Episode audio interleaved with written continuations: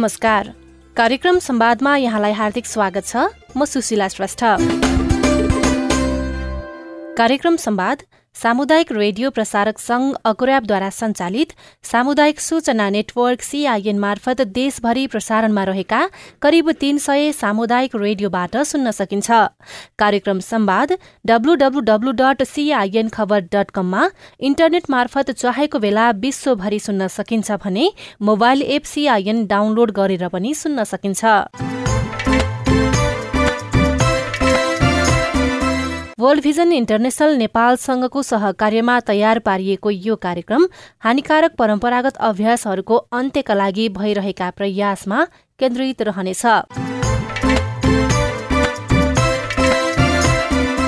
आजको कार्यक्रम संवादमा हामी नेपालमा बाल विवाहको अवस्था र यसको अन्त्यका लागि गैर सरकारी संस्थाबाट गरिएका पहलका विषयमा छलफल गर्नेछौ। सँगै महिनावारी स्वच्छताका विषयमा पनि चर्चा गर्नेछौं। संयुक्त राष्ट्र संघको सदस्य संस्थाको हैसियतले सबैको मानव अधिकारको संरक्षण सम्वर्धन र परिपूर्ति गर्नु नेपाल सरकारको अन्तर्राष्ट्रिय जवाफदेहिता पनि रहेको छ। आर्थिक सामाजिक तथा सांस्कृतिक समिति विश्वव्यापी आवधिक प्रतिवेदन दुई हजार पन्ध्रका अनुसार बाल विवाह लगायत हानिकारक अभ्यास दण्डनीय बनाउने अन्त्य गर्ने सुझाव नेपाल सरकारलाई दिइएको छ। सोही अनुरूप नेपाल सरकारले बाल विवाह मुक्त राष्ट्र निर्माणमा जोड़ दिएको छ। तर बाल विवाहको घटनामा उल्लेख्य कमी आउन सकेको छैन। अभिभावकले विवाह गराइदिने चलन एकातिर छ भने बालबालिका स्वयं पनि भागेर विवाह गर्ने गरेका छन्। कार्यक्रम संवादमा अब हामी बाल विवाहबारे किशोरीहरू कतिको जानकार छन् त भनेर बुझ्ने प्रयास गरेका छौं। नमस्कार म राम काजी गलन बाल्य विरोधको अभियान त बिहेबारे बिस वर्ष पारे नगर विवाहको कुरा भएको छैन बिस वर्ष पुरा। बाल विवाह गर्यो भन्दाखेरि तिन वर्ष जेलका कुराहरू पचहत्तर हजार जरिवानाको कुरा त छँदैछ। यो सँगसँगै एउटा व्यक्तिगत रूपले पनि व्यक्तिगत रूपमा पनि बालबालिकालाई धेरैभन्दा धेरै असरहरू चाहिँ पर्छन्। महिलाले पनि पर्छन् र पुरुषले पनि पर्छन्। पुरुषलाई कसरी पर्छन् भन्दाखेरि ऊ वैवाहिक बन्धनमा बाँधिसकेपछि उसले हरेक हिसाबले परिबन्धमा पर्छन्। आर्थिक हिसाबमा भ सामाजिक हिसाबमा भनौँ न सा विभिन्न खालका चाहिँ आर्थिक राजनीतिक कुराहरूमा भावनात्मक रूपमा विभिन्न खालका चाहिँ ऊ परिबन्धमा फस्छन् त्यो हिसाबले चाहिँ पुरुषलाई त्यो लैङ्गिक हिंसामा पनि ऊ परिणत हुन्छ त्यो खालको घटनाहरू भन्दाखेरि महिलालाई विभिन्न खालका घटनाहरू हुन्छन् जस्तोमा वैवाहिक बलात्कार कुराहरू उहाँ ऊबाट जन्मेको कुराहरूमा चाहिँ बालबालिकाहरूमा कुपोषण लाग्नेका कुपोषण लाग्न सक्ने क कम उमेरमा चाहिँ भनौँ न विवाह भएर चाहिँ गर्भवती भइसकेपछि विभिन्न भोलिको दिनमा चाहिँ कम उमेरमा जन्मेका बालबालिका वेट कम हुने त्यसपछि बच्चा मर्ने सम्भावनाहरू समय बित्दै गएपछि पछि पछि चाहिँ भनौँ पाठेघरका विभिन्न खालका समस्याहरू निम्त्याउने पनि हुन सक्छन् अकालमा ज्यान पनि जान सक्ने पनि हुन सक्छन् महिलामा एउटा पर्न सक्ने सम्भावना आर्थिक भार धेरै हुन्छन्। आर्थिक भार धेरै भइसकेपछि चाहिँ उसलाई चाहिँ भन्न विभिन्न खालका चाहिँ यत्तिकै पनि त्यो हिंसामा परिणत होइन भइरह नमस्कार मेरो नाम स्वस्तिका बखरेल हामी किशोर किशोरीहरू चाहिँ बाल विवाह गर्दाखेरि हामीलाई पाठे घरमा समस्या हुने हामीलाई चाहिँ विभिन्न किसिमका रोगहरू लाग्ने हुन्छ। साथै बाल विवाह गरेको जुन किशोरले बाल विवाह गरेको उसको बच्चा पनि अपाङ्ग जन्मिने अनि कुपोषण हुने साथसाथै उनीहरूलाई घरमा मानसिक तनाव सामाजिक तनाव भयो सानै उमेरमा भागेर आएको हुन्छ आफू म्याच्योर भएको हुँदैन केही कुरा थाहा पाएको हुँदैन। नमस्कार मेरो नाम सरस्वती आछामे कमलमाई नगरपालिका चार सिन्धुली। चाँडो बिहे गर्दाखेरि चाहिँ जस्तै शिक्षा स्वास्थ्य सामाजिक मानसिक रूपमा पनि परिपक्व भइसकेको हुँदैन। त्यस विशेष त राम्रोसँग पढ्न पनि पाइरहेको हुँदैन। त्यसले गर्दाखेरि चाहिँ मानसिक रूपमा परिपक्व पनि भइरहेको हुँदैन। के गर्दा राम्रो हुन्छ के गर्दा नराम्रो हुन्छ भन्ने कुराको ज्ञान पनि हुँदैन। त्यसले गर्दाखेरि चाहिँ बच्चाहरू चाँड चाँडो जन्मिन सक्छन्। पेटमै हुँदाखेरि खेर पनि जान सक्छ किनकि पाठेघर परिपक्व भइसकेको हुँदैन। नमस्ते म प्रतीक्षा कार्की कनप चार सिन्धुली सर्व प्रथम त आफ्नो स्वास्थ्यलाई नै असर पार्ने भयो। सुरुमा हामीले सोच्नु पर्ने हो भने किनकि बाल विवाह भनेको सानो कुरा होइन। हामीले सानै उमेरमा रङ डिसिजन लिनु भएन। किशोर किशोरीहरू खासमा त परिपक्व हुने बेलै भएको हुँदैन होइन? किशोरी अवस्थामा परिपक्व भइसकेकै हुँदैनौ। अनि मानसिक रूपमा शारीरिक रूपमा सामाजिक रूपमा परिपक्व भइसकेको हुँदैनौ।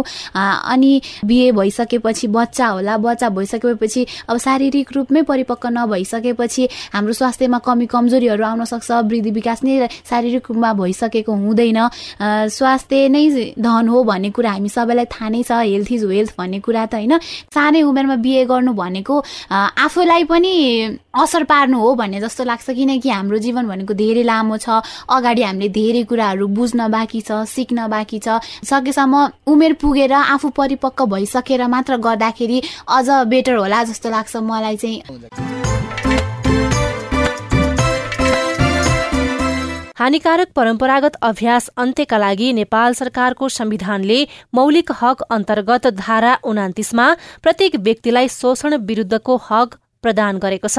यसै गरी उपधारा दुईले धर्म प्रथा परम्परा संस्कार र प्रचलन वा अन्य कुनै पनि आधारमा कुनै पनि व्यक्तिलाई शोषण गर्न पाइने छैन भने स्पष्ट रूपमा व्याख्या गरेर हरेक व्यक्तिले हिंसामुक्त जीवनयापन गर्न पाउने अधिकार पनि सुनिश्चित गरेको छ। तर पनि यस्ता विभेदको अन्त्य नै हुन भने सकिरहेको छैन। हानिकारक परम्परागत अभ्यास अन्त्यका लागि लागि परिरहेको संस्थाहरूले चाहिँ धार्मिक अगुवाहरू आफ्ना अभियानमा समावेश गरेका छन् कि छैनन् त? पछिल्लो समय नेपालमा बाल विवाहको अवस्था र कारणका विषयमा सामाजिक अभियन्ता सुनिता मैनालीसँग हामीले कुराकानी गरेका छौं। मलाई लागेको अहिलेको अवस्थामा बाल विवाहलाई हामीले दुईवटा तरिकाबाट हेर्नुपर्छ होला। एउटा भनेको परम्परागत हिसाबले गरिने बिहे जुन चाहिँ त्यसमा धर्मगुरुहरूको एकदमै महत्त्वपूर्ण भूमिका हुन्छ त्यो बिहे हुनुभन्दा अगाडि कुण्डली हेर्नेदेखि लिएर त्यो बिहेमै उहाँहरूको सहभागिता हुने उहाँले नै बिहे गराइदिने जुन हाम्रो एउटा परम्परा छ जुनसुकै धर्ममा। चाहिँ यो छ। यो जुन परम्परागत हिसाबले बुबा आमाले गरिदिने बिहे छ त्यसमा त डेफिनेटली धर्मगुरुहरूको एकदमै महत्त्वपूर्ण भूमिका हुने रहेछ होइन? अहिले हामीले समुदाय स्तरमा पनि हेर्दाखेरि अब हुन त कानुनले अब यो बाल विवाह चाहिँ यो क्रिमिनल केस हो यो चाहिँ अपराध हो। यसमा जोसुकै संलग्न भएको व्यक्तिहरू पनि कारवाहीको भागीदार हुन्छ भनेर त भनेको छ। तर पनि यो घटनाहरू त रोकिएको छैन। अब धर्मगुरुहरूले समुदाय स्तरमै यो जुन धार्मिक हिसाबले चाहिँ के भनिएको छ त बाल विवाहलाई? धर्मले हाम्रो धार्मिक ग्रन्थहरूले चाहिँ कस्ता खाले प्रावधानहरू राखिएका छन् भन्ने कुरालाई चाहिँ उहाँहरूले बाल विवाह गर भनेको छैन भन्ने हिसाबले प्रचार प्रसार गर्नुभयो र बाल विवाह हुन लागेको ठाउँमा पनि उहाँहरूले चाहिँ आफ्नो जिम्मेवारी वहन गर्नुभयो अथवा त्यसको विरुद्धमा बोल्नुभयो बाल विवाह हुन दिनु भएन भने त यो धेरै नै महत्त्वपूर्ण कुराहरू छ।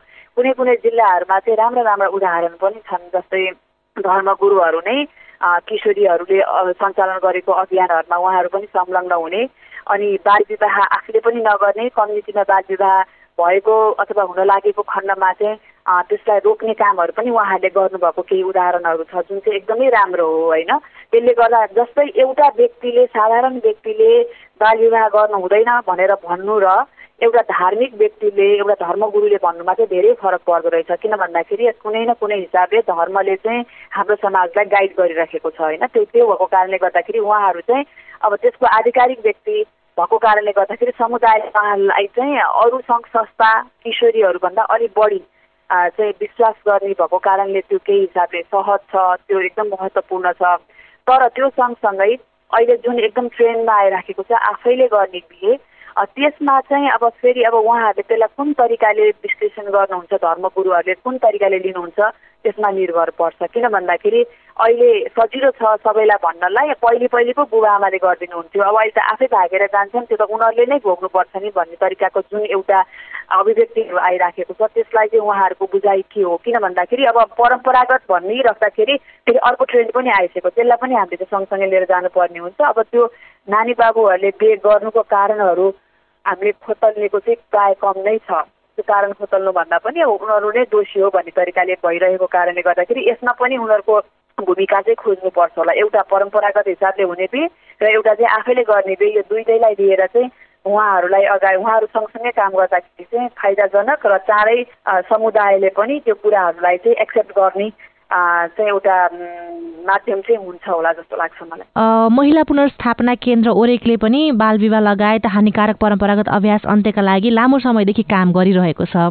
यहाँहरूले कतिको अभ्यास गर्नुभएको छ यस कुरालाई चाहिँ? हामीले स्थानीय स्तरमा अब राष्ट्रिय स्तरको कार्यक्रमहरूमा सहभागी हुने त्यहाँ अलिकति आफ्ना भनाइहरू राख्ने कामहरू पनि गरिराखेको छौँ भनेदेखि स्थानीय स्तरमा चाहिँ जुन हाम्रा विभिन्न किशोरी सञ्जाल किशोरी अधिकार मञ्चहरू हुनुहुन्छ उहाँहरू मार्फत चाहिँ उहाँहरू र धार्मिक गुरुहरूलाई चाहिँ सँगसँगै लिएर योजना बनाएर समुदाय स्तरमा कार्यक्रमहरू चाहिँ गर्ने गरिराखेको छौँ।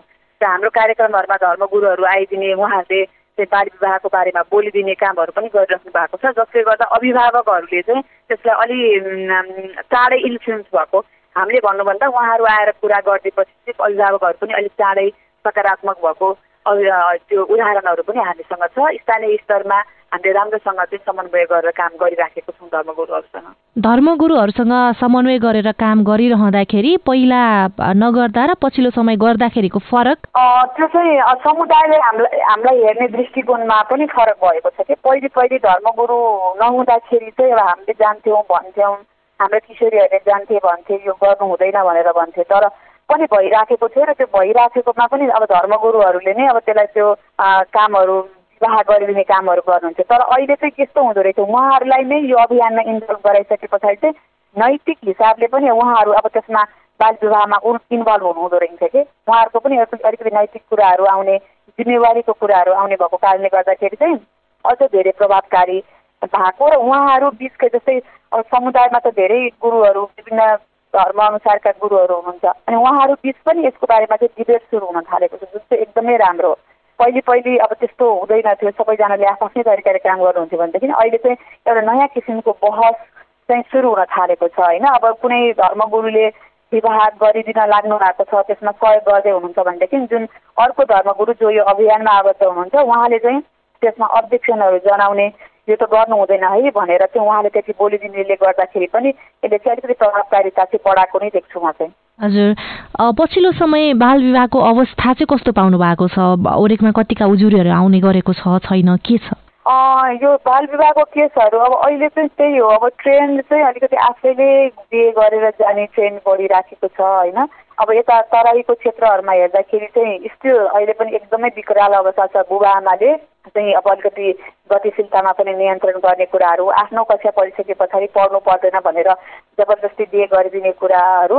र त्यो बिहे भइराख्दाखेरि पनि त्यहाँ स्थानीय स्तरमा चाहिँ कसैले पनि चासो नलिएको कुराहरू। यो भइ राखेको यो नयाँ कुरो होइन भन्ने तरिकाले लिने पर प्रचलन अहिले पनि एकदमै धेरै छ। तर त्यो सँगसँगै अर्को चाहिँ यो मैले अघि नै पनि भने यो जुन आफैले गर्ने विवाहको ट्रेन्ड चाहिँ एकदमै धेरै भइराखेको छ जसलाई चाहिँ हामीले राज्यले एउटा फरक ढङ्गले एकदमै सम्बोधन गर्न जरुरी छ चाँडोभन्दा चाँडो सम्बोधन गर्न जरुरी छ। हामीले एकदम सक्रिय रूपमा यो सोसियल मिडियालाई ब्लेम लगाइराखेका छौँ। बालिका अथवा बालक आफैलाई ब्लेम लाइ लगाइरहेका छौँ। तर त्यो ब्लेम लाउँदैमा यो समस्याको समाधान हुनेवाला छैन र त्यसको जरो कारण चाहिँ खोतलेर अलिकति नीतिगत हिसाबले पनि यसलाई सम्बोधन गर्नुपर्ने अवस्था चाहिँ एकदमै धेरै देखिन्छ। अहिलेको ट्रेन्ड हेर्दाखेरि परम्परागत भन्दा पनि यता यो आफैले गर्ने कुराहरूमा चाहिँ अलिकति बढी बढेको देखिन्छ। के कारणले चाहिँ पछिल्लो समय आफै बालबालिका बाल विवाह गर्नको लागि उत्सुक देखिन्छन्? यसमा चाहिँ अब प्राय व्यक्तिहरूको आफ्नो विश्लेषणहरू छ तर हाम्रो दुई अब केसहरूको हामीले विश्लेषण गर्दाखेरि जुन घटनाहरूको विश्लेषण गर्दाखेरि कतिपय चाहिँ स्कुलमा उनीहरू साथी बनेकै कारणले गर्दाखेरि किशोर किशोरी साथी बनेकै कारणले गर्दाखेरि उनीहरूको नाम जोडिदिने उनीहरूलाई बोयफ्रेन्ड गर्लफ्रेन्ड भनेर ब्लेमिङ लगाइदिने। त्यो कुरा स्कुलको प्रशासनले थाहा पाएपछि प्रशासनले नै उनीहरूलाई चाहिँ नराम्रो तरिकाले व्यवहार गर्ने होइन? त्यसमा काउन्सिलिङ उनीलाई उनीहरूलाई सम्झाउने बुझाउने उनीहरूको वास्तविकता के हो भन्ने कुरा बुझ्नुभन्दा पनि उनीहरूलाई एक हिसाबले अलिकति डिक्टेट गर्ने र त्यही कुरा फेरि घरमा थाहा भयो भने चाहिँ किशोरीको परिवारले किशोरीको फेरि गतिशीलतामा नियन्त्रण गर्ने कुराहरू यस्तो यस्तो कुराहरूले गर्दाखेरि चाहिँ उनीहरूले अल्टिमेटली अब सेफ ल्यान्ड कसरी हुने भन्दाखेरि विवाह गर्ने भन्ने तरिकाले पनि लिएको केही घटनाहरू छ। अब कुनै कुनैमा चाहिँ जस्तै अब किशोर अवस्थामा जुन आउने परिवर्तनले गर्दाखेरि उनीहरूको अलिकति यो यौन चाहनाका कुराहरूमा यसको शिक्षाहरू उनीहरूले नपाएको अवस्थामा चाहिँ जस्तै अब जुन हाम्रो समाजमा त परम्परागत हिसाबले तपाईँले यदि कोहीसँग नजिक हुन चाहनुहुन्छ भनेदेखि चाहिँ त्यो विवाह नै त्यसको लागि चाहिँ एउटा माध्यम हो भन्ने जुन हाम्रो एउटा सोचाइ बुझाइ छ र धारणा छ त्यसले गर्दाखेरि चाहिँ उनीहरू नजिक हुनको लागि उनीहरू सँगसँगै हुनको लागि चाहिँ अल्टिमेटली बिहे नगरिकन चाहिँ हामीले मिल्दैन भन्ने तरिकाको बुझाइ पनि किशोर किशोरीमा चाहिँ रहेको केही अध्ययनहरूले हामीले हामीले सङ्कलन गरेको केसहरूमा चाहिँ देखिन्छ। र कतिपय नानी बाबुहरूले चाहिँ अब जस्तै उनीहरूलाई अब परिवारको अवस्थाले गर्दाखेरि पनि विवाह गरेर हिँडेको होइन त्यस्तै परिवारभित्र उनीहरूको माया उनीहरूले स्नेह नपाएको उनीहरूको आफ्नो कुरा सेयर गर्न नपाएको आर्थिक अभावले गर्दाखेरि एउटा मोबाइल बोक्नै पाएको बोक्न पाएको कारणले गर्दाखेरि एउटा राम्रो लुगा लाउन पाएको कारणले गर्दाखेरि पनि उनीहरू चाहिँ अब कसैको सानो प्रलोभनमा परेर पनि विवाह गरिरहेको अवस्थाहरू देखिन्छ होइन? यसले गर्दाखेरि समग्र रूपमा हाम्रो सामाजिक संरचनाकै समस्याहरू देखिन्छ कि? यसलाई अलिक डिटेलमा डेस्कमा हेऱ्यो भनेदेखि हाम्रो संरचना कस्तो छ? हामीले बालबालिकाप्रति कस्तो धारणा राख्छौँ? सम्बन्धलाई कुन तरिकाले हेर्छौँ? र हाम्रो सामाजिक आर्थिक अवस्था पनि कारक तत्त्वको रूपमा चाहिँ देखिन्छ जस्तो लाग्छ मलाई। अब यी सबै कुराको अन्त्यको लागि गर्नुपर्ने के छ त? अब यो चाहिँ अब हामीले दुईवटा तरिकाले हेर्नुपर्छ होला जस्तो लाग्छ जुन चाहिँ भइ पनि राखेको छ होइन। केही न केही हिसाबले समाजमा परिवर्तन भएको छ। पहिले र अहिलेको अवस्थालाई तुलना गर्ने हो भने एउटा भनेको एउटा संरचनागत हिसाबले हामीले काम गर्नुपर्छ। एउटा चाहिँ एउटा यो जुन यो यो आइडियोलोजिकल कुराहरू छ। आइडियोलोजी भनेको जस्तै अब एउटा क्लासका कुराहरूमा पनि हामीले काम गर्नुपर्ने हुन्छ। संरचनागत हिसाबले हेर्दाखेरि धेरै कामहरू भएको छ जस्तै संविधान त्यो अन्तर्गतका नीति नियम कानुनहरूमा महिलाको अधिकार किशोरीहरूको अधिकार चाहिँ सुनिश्चित केही हदसम्म सुनिश्चित भएको देखिन्छ। जुन चाहिँ एउटा स्ट्रक्चरली चाहिँ त्यसलाई चाहिँ संरक्षण भयो त्यो त्यो त्यहाँ चाहिँ सुनिश्चित भयो। तर त्यसको इम्प्लिमेन्टेसन जुन छ कार्यान्वयनको पार्ट छ त्यसमा धेरै चुनौतीहरू छन् र त्यो कार्यान्वयनलाई चाहिँ कसले चाहिँ असर गरिराखेको छ भन्दाखेरि हाम्रा परम्परागत अभ्यास हाम्रा सोचहरूले चाहिँ कार्यान्वयन हुन दिइराखेको छैन। त्यो भएको कारणले गर्दाखेरि कसरी यो साम यदि हामीले सामाजिक रूपान्तरणको कुरा गर्छौँ भनेदेखि व्यक्ति स्वयंको रूपान्तरणमा चाहिँ धेरै काम गर्नुपर्ने कुराहरू चाहिँ देखिन्छ होइन? हामीले अधिकारको कुरा गर्छौँ तर त्यो कुरा हामीले व्यवहारमा लागू गर्न सकिराखेको छैनौँ। आफ्नै व्यवहारमा पनि लागि लागू गर्न सकिराखेको छैन भनिसके पछाडि भएको नीति नियमको सही कार्यान्वयनको लागि चाहिँ हामीले एकदम पैरवी गर्न जरुरी छ। स्थानीय स्तरदेखि राष्ट्रिय स्तरसम्म पैरवी गर्न जरुरी छ। र अर्को भनेको चाहिँ यो सामाजिक आर्थिक सशक्तिकरणको पाठमा चाहिँ अलिकति महिलालाई नै लिड रोलमा लिएर आएर कि महिलाहरूकै नेतृत्वमा कसरी सामाजिक आर्थिक रूपान्तरण सशक्तिकरणको काममा चाहिँ हामी अगाडि बढ्न सक्छौँ ताकि त्यो परिवारको एउटा स्वरूप पनि परिवर्तन होस्। परिवारभित्रको सम्बन्धमा पनि त्यहाँ जुन एउटा शक्ति संरचना छ त्यो शक्ति संरचनालाई चाहिँ भत्काउन सकियोस्। जहाँ चाहिँ सबैले समान रूपले चाहिँ व्यवहार पाउन्। यो गर्न सक्यो भने चाहिँ त्यो त्यसलाई चाहिँ सम्बोधन गर्नको लागि चाहिँ यी कामहरू गर्न सक्यो भने केही न केही हदसम्म हुन सक्छ होला भइराखेका पनि छन्। तर हामीले यो समाजलाई बुझ्ने दृष्टिकोण नै अलिकति फरक भइराखेको छ कि जस्तै हामीले सतै रूपमा समाजलाई बुझिराखेको छौँ। तर देशमा गएर जुन यो असमान शक्ति संरचना छ अल्टिमेटली त्यो संरचनाले गर्दा जुन विभिन्न खाले हिंसा विदेश सवालहरू निम्त्याएको छ त्यो असमान शक्ति संरचनालाई भत्काउनको लागि चाहिँ एउटा आइडियोलोजिकल हिसाबले काम गर्नुपर्ने हो जुन चाहिँ मान्छेको चेतना मान्छेको विचार सोच व्यवहारमा परिवर्तन गर्ने कुरा हो भने अर्को चाहिँ स्ट्रक्चरली संरचनागत हिसाबले तिनीहरूलाई त्यो अधिकार सबैको अधिकारलाई संरक्षण गर्नको लागि चाहिँ न्यायिक कानुनी हिसाबले चाहिँ त्यसको सुनिश्चितता गर्ने बाटोतिर यो दुईवटा कुरामा चाहिँ हामीले काम गर्न सक्छौँ जस्तो लाग्छ। तपाईँ अहिले साप्ताहिक रेडियो कार्यक्रम संवाद सुनिरहनु भएको छ। वर्ल्ड भिजन इन्टरनेशनल नेपालसँगको सहकार्यमा सीआईएनले तयार पारेको यो कार्यक्रम बालविवाह लगायतका हानिकारक परम्परागत अभ्यासहरूको अन्त्यका लागि भइरहेका प्रयासमा केन्द्रित रहेको छ। नेपालमा अझै पनि कायम रहेको हानिकारक परम्परागत अभ्यास मध्ये एक हो महिनावारी बार्ने चलन जसमा महिनावारी भएका महिलालाई अछुत भनेर विभेद गरिन्छ। यसलाई ठाउँ अनुसार फरक फरक नाम दिइएको भए पनि सार भनेको विभेद नै हुने गरेको छ। कतै छुई भई भनिन्छ भने कतै छाउ भएकी भनिन्छ। पश्चिम नेपालमा त झन् छाउपडी जस्ता कुप्रथाले ज्वरो गाडेको देखिन्छ।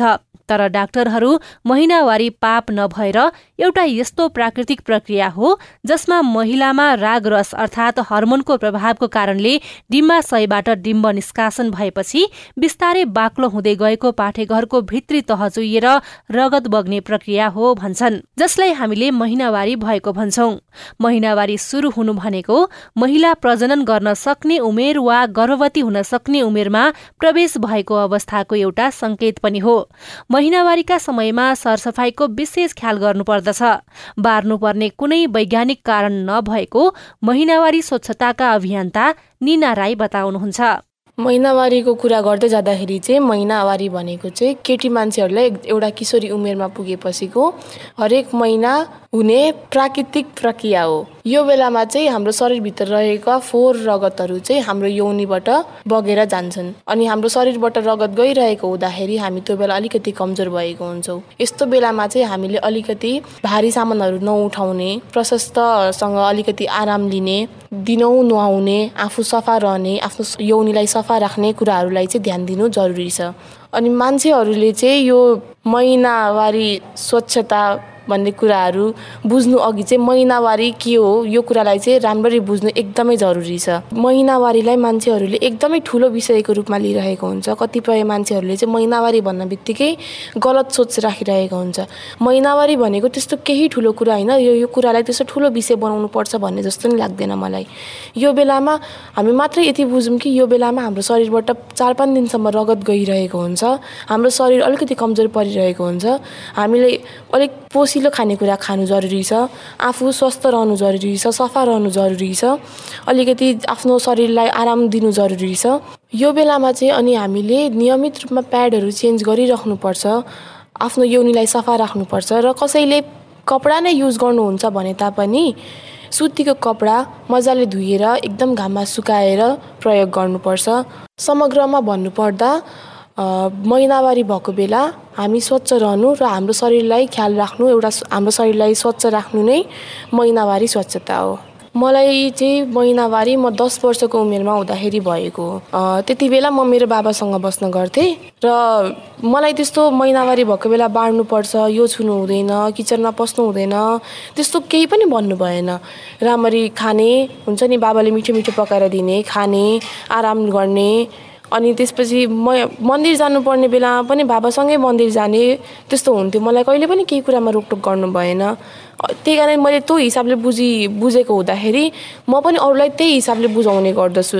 किनकि अहिले आएर त कुन बुझाइ चाहिँ सही हो र कुन बुझाइ चाहिँ गलत हो भन्ने कुरा हामी सबैलाई पनि थाहा छ।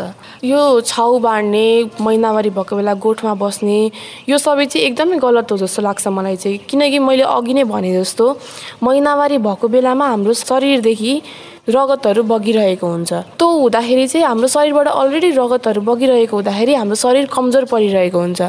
यो बेलामा चाहिँ हामीलाई गोठमा बस्ने छेउ बाँड्ने यो भित्र नछिन्ने राम्रो नखाने त्यो हुँदाखेरि चाहिँ त्यो भनेको चाहिँ गलत हो। किनकि यो बेलामा चाहिँ हामीलाई अलिकति पोसिलो खानेकुराहरू खानु जरुरी छ। आफूलाई स्वस्थ राख्नु स्वच्छ राख्नु जरुरी छ। आफूलाई हुन्छ नि आफ्नो शरीरलाई आराम पुऱ्याउनु जरुरी छ। अनि यो यो सबै भनिराख्दाखेरि चाहिँ यो छेउ बाँड्नेहरू चाहिँ मलाई एकदमै गलत हो जस्तो लाग्छ। गोठमा बस्नु घरदेखि बाहिर बस्नु त झनै नराम्रो कुरा हो। पहिला हाम्रो समाजमा अब यो बाँड्नु हुँदैन भन्ने कुरा चाहिँ अब आराम गर्ने कुरा तरिकाले भनेको हो तर अहिले हामी यो समय बढ्दै जाँदाखेरि चाहिँ हामीले यो त यो कुरालाई चाहिँ एकदम गलत तरिकाले लिइराखेको छौँ जस्तो लाग्छ। यो बेलामा त अझै कति ठाउँमा त अझै यो बेलामा अब भारी सामानहरू उठाउने प्रचलनहरू पनि छ। अनि त्यो चाहिँ झन् हाम्रो स्वास्थ्यलाई त्यो कुराले चाहिँ हानि गरिरहेको हुन्छ यो बेलामा भन्ने चाहिँ मलाई लाग्छ। अर्को तरिकाले भन्नुपर्दाखेरि चाहिँ महिनावारी भनेको एक्काइस दिनदेखि पैँतिस दिन भित्र हुने एउटा सामान्य प्राकृतिक प्रक्रिया त हो। यो महिनावारी भनेको चाहिँ फेरि अर्को के तरिकाले बुझ्न सकिन्छ भने महिनावारीले चाहिँ हामीलाई परिपक्व बनाउँदैछ। महिनावारी हुनु भनेको हामी आमा बन्न तयार हुनु पनि त हो। त्यसैले यो कुरालाई चाहिँ हामीले एकदमै मजाले महिनावारी भनेको जे हो त्यही तरिकाले बुझ्यौँ। भने चाहिँ आउने दिनमा पनि हाम्रो जीवन पनि स्वस्थ बनाउँछ जस्तो लाग्छ मलाई चाहिँ। आमा बन्ने प्रक्रिया आफू परिपक्व हुनु त गलत होइन नि त। आमा बन्नु गलत होइन। त्यसरी नै महिनावारी हुनु पनि गलत होइन। त्यही कारण यो बेलामा चाहिँ हामी स्वस्थ रहनु जरुरी छ। पोसिलो खानेकुरा खानु जरुरी छ। आफ्नो शरीरलाई एकदमै चाहिए जतिको आराम दिनु जरुरी छ। कार्यक्रममा अब भने सुनौ यो सन्देश मूलक गीत। परम्परागत हानिकारक अभ्यास हटाउनै पर्यो। धर्मगुरुको भूमिका खेल्ने अब पालो आयो। नागरिकता हेरेर बिहे गरिदिनु। उमेर नपुगेको बिहेलाई रोकिदिनुहोस् बिहे बारी बिस वर्ष पारी भन्ने कुरा फैलाऊ। धर्म गुरुले घर घर जाँदा सन्देश लिजाऊ मानिसले चलाएको जातीय विभेद। मानिसले चलाएको जातीय विभेद।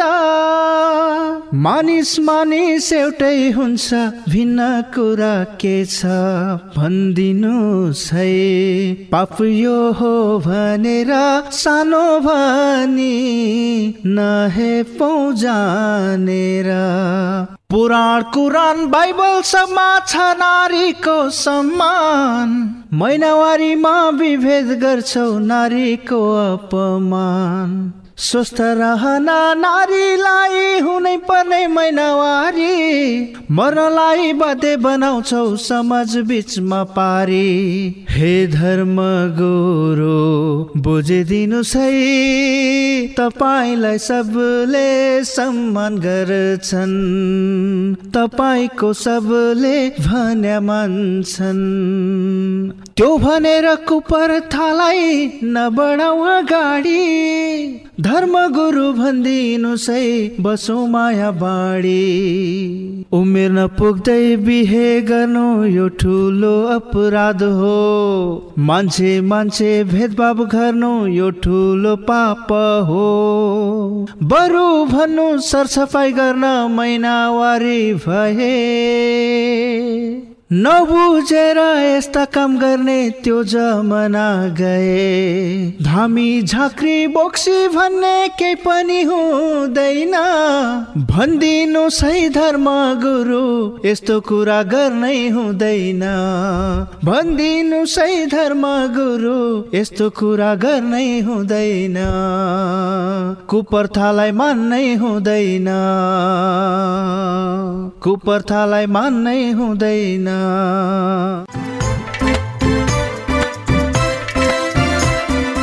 यो सन्देशमूलक गीतसँगै कार्यक्रम सम्वादको निर्धारित समय सकिने लागेको छ। आजको विषयवस्तु तपाईँलाई कस्तो लाग्यो? बाल विवाह लगायत हानिकारक परम्परागत अभ्यासहरूको अन्त्यका लागि तपाईँको केही अनुभव पो छन् कि? हाम्रो टेलिफोन नम्बर शून्य एक बाहन्न साठी छ चार छमा फोन गरेर तपाईँ आफ्नो अनुभव तथा सल्लाह सुझाव जिज्ञासा एवं प्रतिक्रिया रेकर्ड गराउन सक्नुहुन्छ। साथै तपाईँले हामीलाई हाम्रो Facebook page community information network सिआइएनमा गएर पनि आफ्ना कुरा लेख्न सक्नुहुनेछ। हामी तपाईँको प्रतिक्रिया पर्खिरहनेछौ। वर्ल्ड भिजन इन्टरनेसनल नेपालसँगको सहकार्यमा सिआइएनले तयार पारेको कार्यक्रम सम्वादबाट प्राविधिक साथी सुरेन्द्र सिंहसँगै म सुशीला श्रेष्ठ पनि विदा हुन्छु। नमस्कार।